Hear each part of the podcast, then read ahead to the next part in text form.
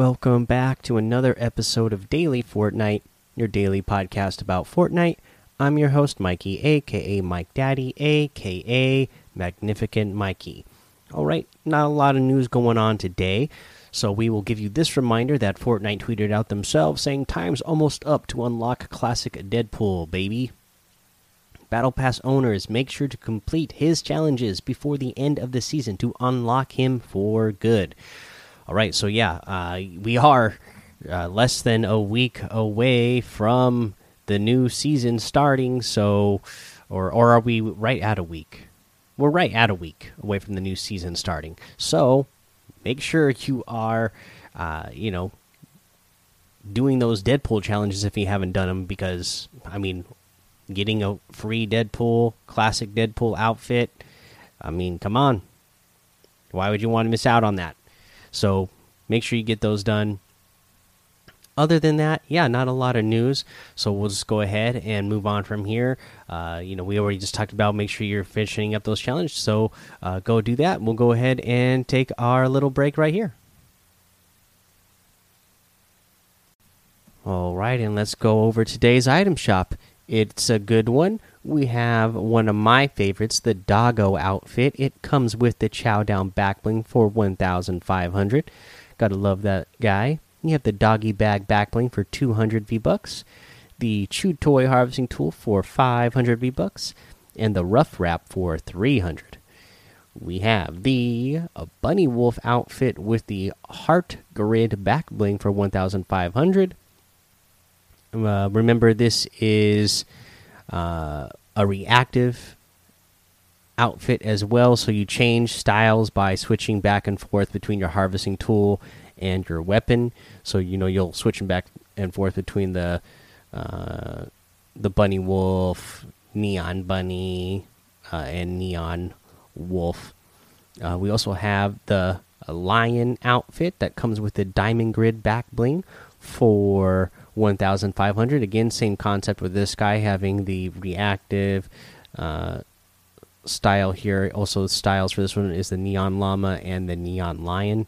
Um, let's see here. We got the neonimal wrap for 500 we have the um, omen outfit with the battle shroud back bling for 2000 v bucks like that guy. The oracle axe harvesting tool for 1200 we got the Dynamo outfit for 1,200 for you creative warriors. Uh, we got the Wild Accent harvesting tool for 500. The Make It Rain emote for 500 V bucks.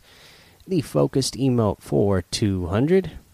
The Showstopper emote for 500 V bucks. And the Noir outfit that comes with the Clue Finder back bling for 1,500.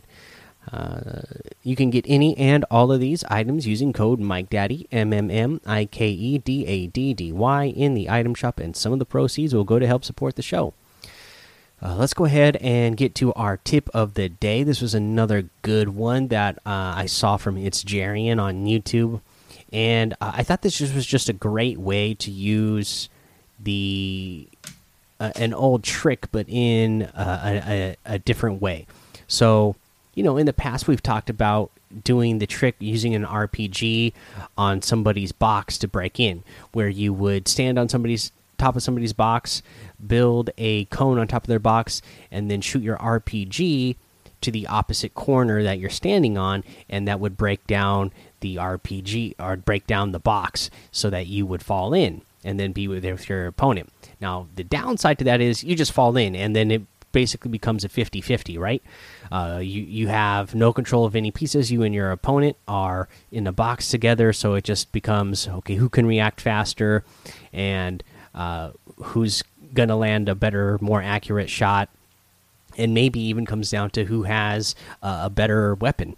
Uh, you know, maybe your opponent happens to have a gold pump and you just have uh, a, blue pump, and so maybe that's the difference.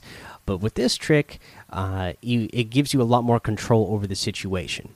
And so in this situation, you are trying to break into somebody's box. So what you do is you place a pyramid to one side of their box, uh, and then what you do is you shoot the RPG at the bottom of it, the bottom front half of the cone that you placed on the side, and that's going to break down their middle piece on that side, plus the front piece and the back piece behind them as well. So it breaks out the middle pieces and that wall on the side. So this will allow you, you know, as soon as you shoot that RPG, you switch to your build and then you start spamming your wall so that you will take that wall that uh, broke when you uh, shot the RPG and everything broke.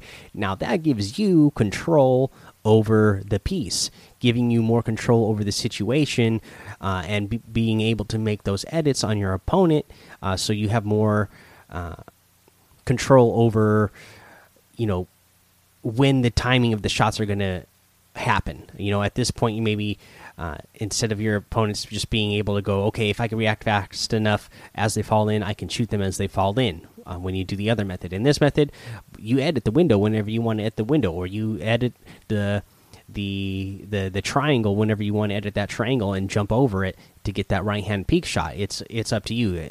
At this point, you are more in control of the situation. So I think it's a really useful way to to do that.